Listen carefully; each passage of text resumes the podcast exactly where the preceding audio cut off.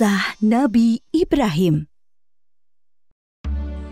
Nabi Ibrahim lahir dan dibesarkan di Padang Aram, daerah Irak, dan termasuk dalam wilayah kerajaan Babilonia. Pada masa itu, bangsa Babilonia menyembah banyak dewa. Ayah Ibrahim bernama Azar, seorang pembuat patung berhala. Patung-patung itu juga dijual kepada penduduk sekitar untuk menjadi sembahan mereka. Allah memberi Ibrahim pikiran yang cerdas dan kritis, serta keberanian yang besar. Dia mengilhamkan pemahaman kepada Ibrahim bahwa menyembah patung-patung itu adalah kesesatan yang nyata.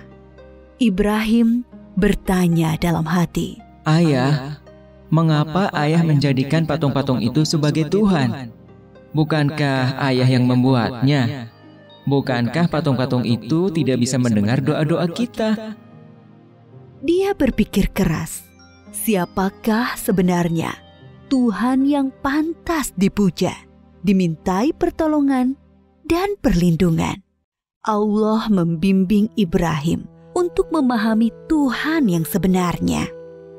Mula-mula, Allah memperlihatkan langit yang penuh bintang bercahaya di malam yang gelap. Ibrahim berkata, "Sungguh indah, inilah Tuhanku." Ketika pagi tiba, langit menjadi terang. Bintang-bintang itu pun menghilang. Oh, bintangnya hilang.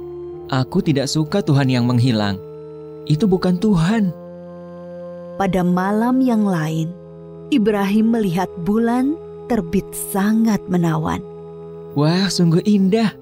Ini dia Tuhanku. Ketika pagi tiba, bulan itu tenggelam. Ternyata yang ini juga tenggelam. Ini juga bukan Tuhan.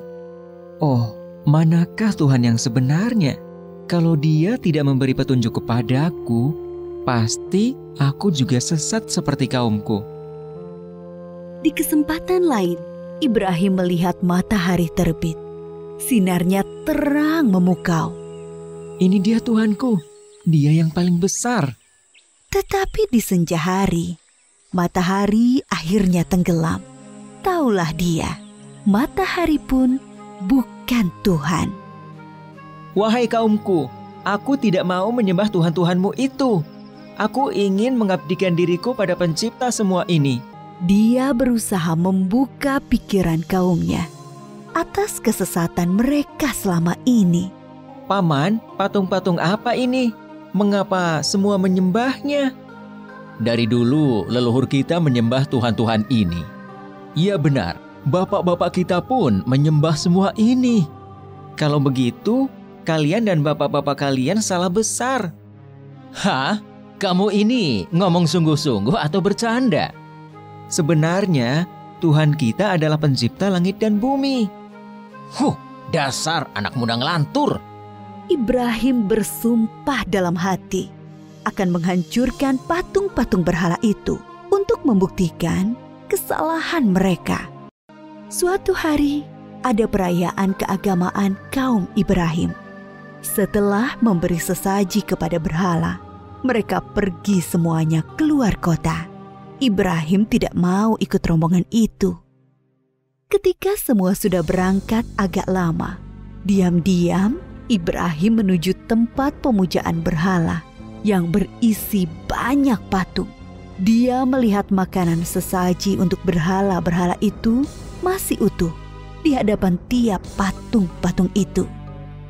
Mengapa kamu tidak makan? Mengapa kamu tidak menjawab? Ibrahim bertanya, lalu memukul patung dengan tangannya. Tentu saja, patung-patung itu tetap diam. Ibrahim mengambil kapak, lalu menghancurkan patung-patung itu. Dia hanya menyisakan sebuah patung yang paling besar dan mengalungkan kapaknya pada lehernya.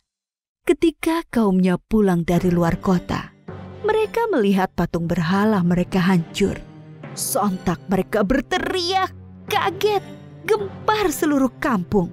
bergegas semua orang, terutama para pemuka kaum, menuju tempat pemujaan berhala. Oh, siapa yang melakukan ini pada Tuhan-Tuhan kita? Kurang ajar! Kami dengar ada anak muda yang membenci Tuhan-Tuhan kita. Ibrahim namanya. Bawa ke sini anak itu. Maka Ibrahim digiring ke hadapan para pemuka kaumnya. Disaksikan halayak ramai. Apakah kamu yang menghancurkan Tuhan-Tuhan kita, Ibrahim? Yang menghancurkan patung-patung itu adalah patung yang besar ini. Bukankah dia membawa kapak? Tanya saja dia kalau bisa menjawab. Orang-orang yang mendengar jawaban Ibrahim pun tersadar. Merekalah yang keliru dengan menyembah patung-patung itu. Tapi kekafiran yang sudah mendarah daging membuat mereka memutar balikan kebenaran. Tentu di sini ada campur tangan setan. Kamu kan tahu, dia tidak bisa bicara, apalagi bergerak menghancurkan patung lain. Berarti kamulah yang melakukannya.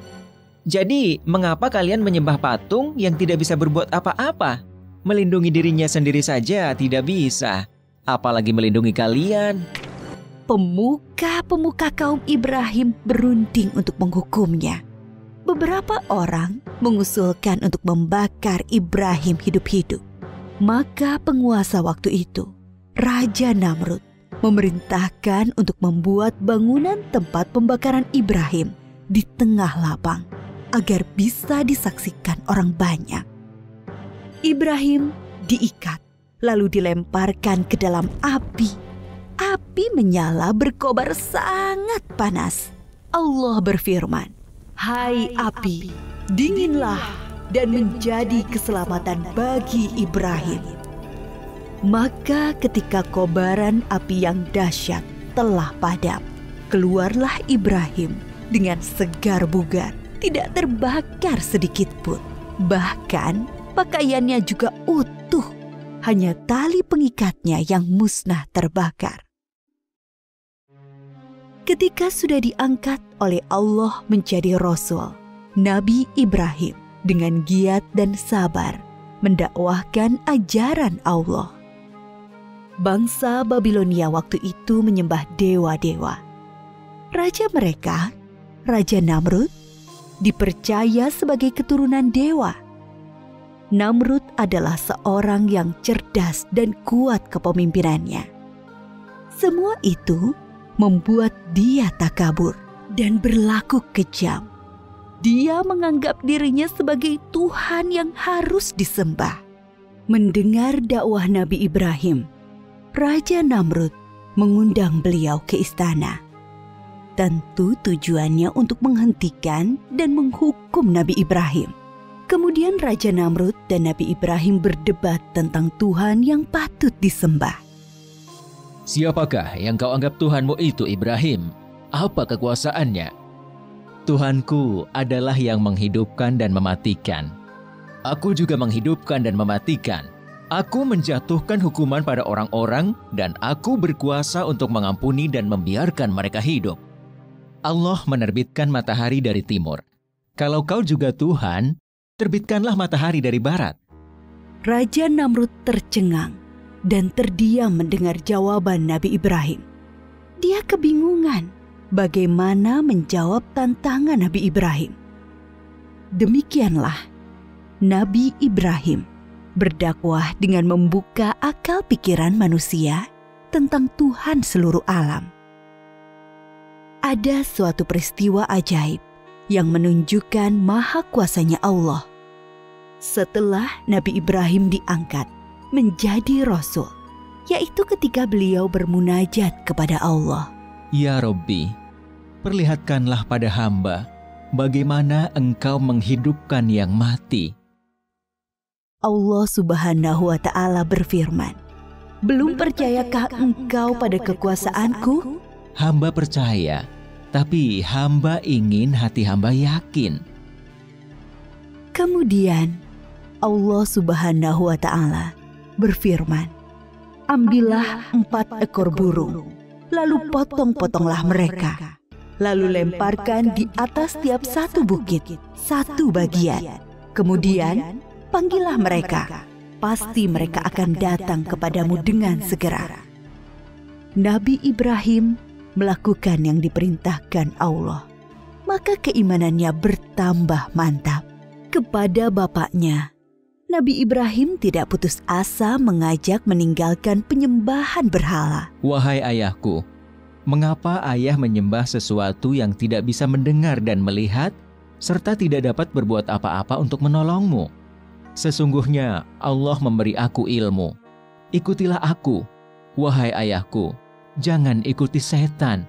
Aku takut engkau akan ditimpa azab. Bencikah kau pada Tuhan-Tuhanku Ibrahim? Diam! Kalau tidak, kau akan aku rajam. Pergilah, tinggalkan aku. Selamat berpisah ayah. Semoga keselamatan dilimpahkan kepadamu. Aku akan memohonkan ampunan dan hidayah untukmu. Nabi Ibrahim terus memohonkan ampunan Allah untuk Azar. Sampai kemudian jelas baginya bahwa Azar tidak mau beriman dan terus memusuhi Allah. Allah melarang memohonkan ampunan bagi orang-orang kafir. Setelah terbukti tidak ada yang beriman di antara kaumnya selain Lut, keponakan beliau dan sanak sepupu beliau yang menjadi istri beliau, Nabi Ibrahim, hijrah meninggalkan kampung halamannya di Irak. Atas perintah Allah, beliau menuju Palestina atau Syam bersama istri dan keluarga Lut. Di Palestina, Nabi Ibrahim terus berdakwah kepada penduduk setempat. Sambutan penduduk Palestina terhadap dakwah beliau kurang bagus. Akhirnya muncul paceklik dan wabah penyakit di sana. Atas perintah Allah, Nabi Ibrahim dan Nabi Lut berpisah. Nabi Lut dan keluarganya menuju Sadum di Syam. Sedangkan Nabi Ibrahim bersama dengan Bunda Sarah menuju Mesir. Saat itu, Mesir diperintah oleh sang raja yang zolim, yang menyukai wanita-wanita cantik untuk dijadikan selir-selirnya. Tidak peduli wanita itu bersuami atau tidak. Bila wanita itu bersuami, maka suaminya akan dibunuh. Raja Mesir bermaksud buruk pada Bunda Sarah yang cantik maka Nabi Ibrahim berbohong bahwa beliau adalah saudara Sarah, supaya tidak dibunuh oleh raja. Allah menghalangi niat jahat sang raja. Raja mengembalikan Bunda Sarah kepada Nabi Ibrahim dan memberi hadiah seorang pelayan untuk Bunda Sarah. Pelayan istana itu seorang kulit hitam yang santun dan bernama Hajar. Nabi Ibrahim tinggal beberapa lama di Mesir. Di mana pun, Nabi Ibrahim selalu mendakwahkan pengabdian kepada Allah Subhanahu wa Ta'ala. Tetapi bumi Mesir ternyata juga bukan tempat yang baik untuk perkembangan dakwah. Maka Allah memerintahkan untuk hijrah kembali ke Palestina. Sekian puluh tahun berkeluarga, Nabi Ibrahim belum dikaruniai anak meskipun tak henti-henti beliau berdoa, memohon keturunan. Menyadari dirinya ternyata mandul dan semakin tua. Bunda Sarah meminta Nabi Ibrahim untuk menikahi Hajar, pelayan mereka yang solehah dan setia. Dari perkawinan Nabi Ibrahim dan Bunda Hajar, lahirlah Ismail. Kebahagiaan Nabi Ibrahim dan Ibunda Hajar ternyata membuat tidak nyaman pikiran Bunda Sarah. Teringat akan dirinya yang mandul, membuat pilu hati beliau. Nabi Ibrahim menyadari dan memahami situasi ini. Allah memerintahkan beliau menempatkan Ismail dan ibunya terpisah dengan Bunda Sarah. Suatu hari, Nabi Ibrahim menyuruh Bunda Hajar untuk berkemas-kemas mereka akan mengadakan perjalanan jauh. Ismail yang masih menyusu pada ibunya tentu dibawa pula. Mereka melintasi rute yang panjang dan akhirnya sampailah ke suatu tempat yang sangat gersang. Tidak ada pohon-pohonan tempat bernaung, udaranya pun panas. Yang ada hanyalah hamparan pasir dan bukit-bukit berbatu. Nabi Ibrahim turun dari kendaraannya. Kemudian menurunkan istri dan anaknya. Tanpa berkata apa-apa, beberapa saat kemudian beliau beranjak dan pergi meninggalkan keluarganya. Ibunda Hajar melihat keanehan ini segera berteriak memanggil. Ibrahim, hendak ke mana? Kenapa kau biarkan kami sendirian di sini? Nabi Ibrahim tidak menjawab, hanya menunduk terus berjalan. Ibrahim, apakah ini perintah Allah? Iya. Kalau begitu aku yakin Allah tidak akan membiarkan kami. Ibunda Hajar begitu sabar dan ridho pada keputusan Allah. Nabi Ibrahim sebenarnya tidak tega meninggalkan keluarganya di tempat terpencil dan gersang itu. Tetapi keyakinan akan kebenaran Allah dan kemurahan Allah menjadikan beliau mematuhi perintah yang sulit ini. Dengan berlinang air mata, beliau berdoa sebelum kembali ke Palestina. Tuhanku, aku telah menempatkan keluargaku di tempat gersang ini, di dekat rumahmu, Ka'bah. Mudah-mudahan mereka menegakkan sholat dan jadikanlah hati manusia senang kepada mereka.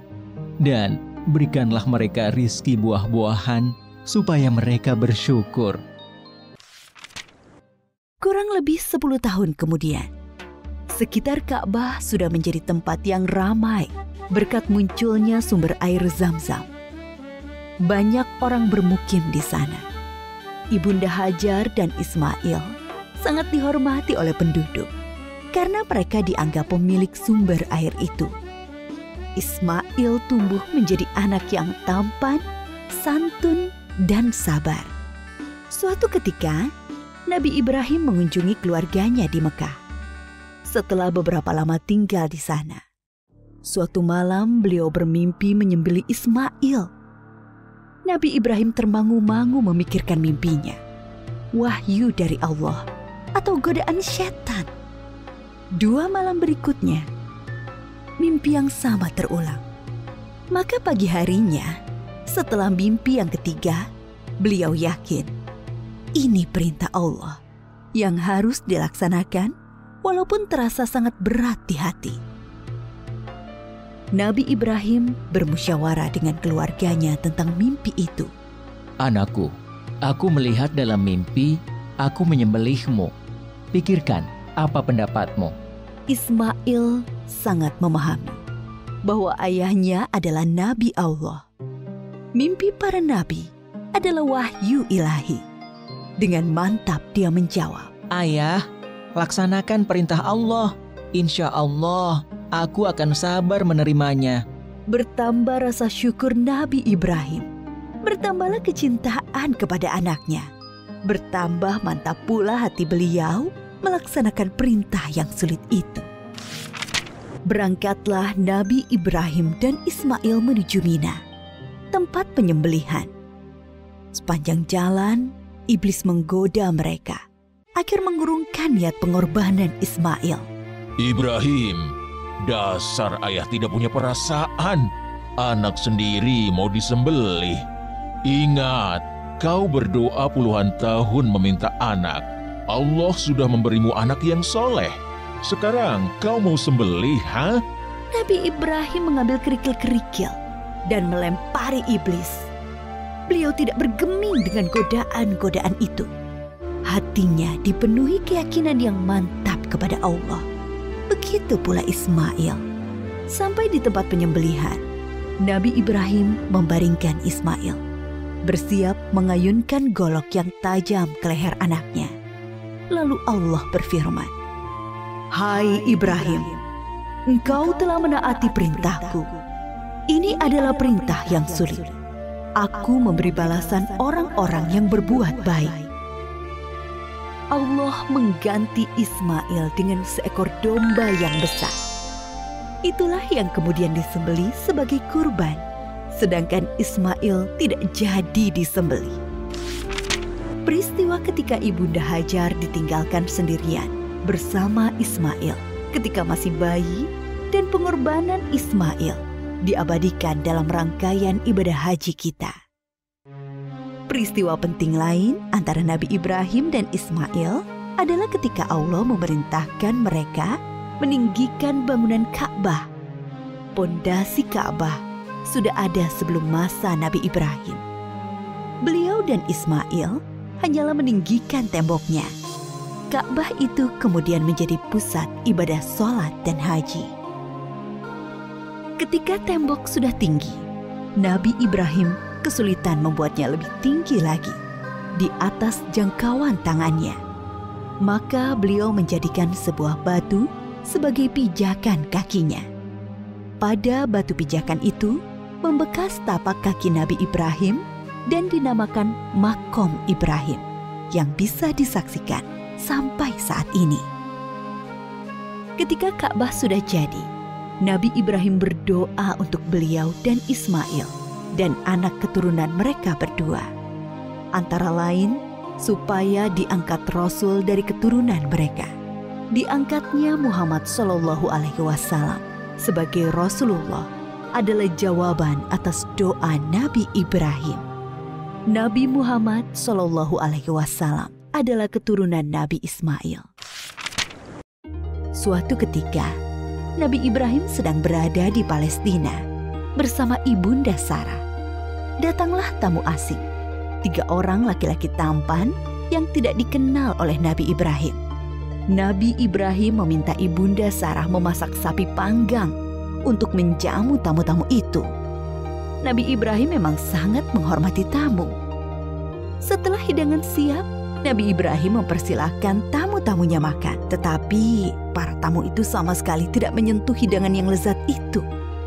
Timbul rasa takut dalam hati Nabi Ibrahim. Jangan takut, kami adalah malaikat utusan Allah.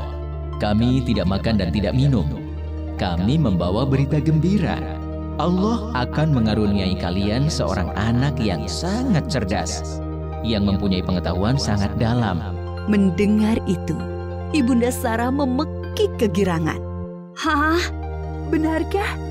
Padahal aku seorang perempuan tua yang mandul. Adakah tugas kalian yang lain, wahai para malaikat? Sebenarnya kami diutus untuk menurunkan hukuman bagi penduduk Syadum karena mereka keterlaluan. Tapi di sana ada Lot dan orang-orang beriman.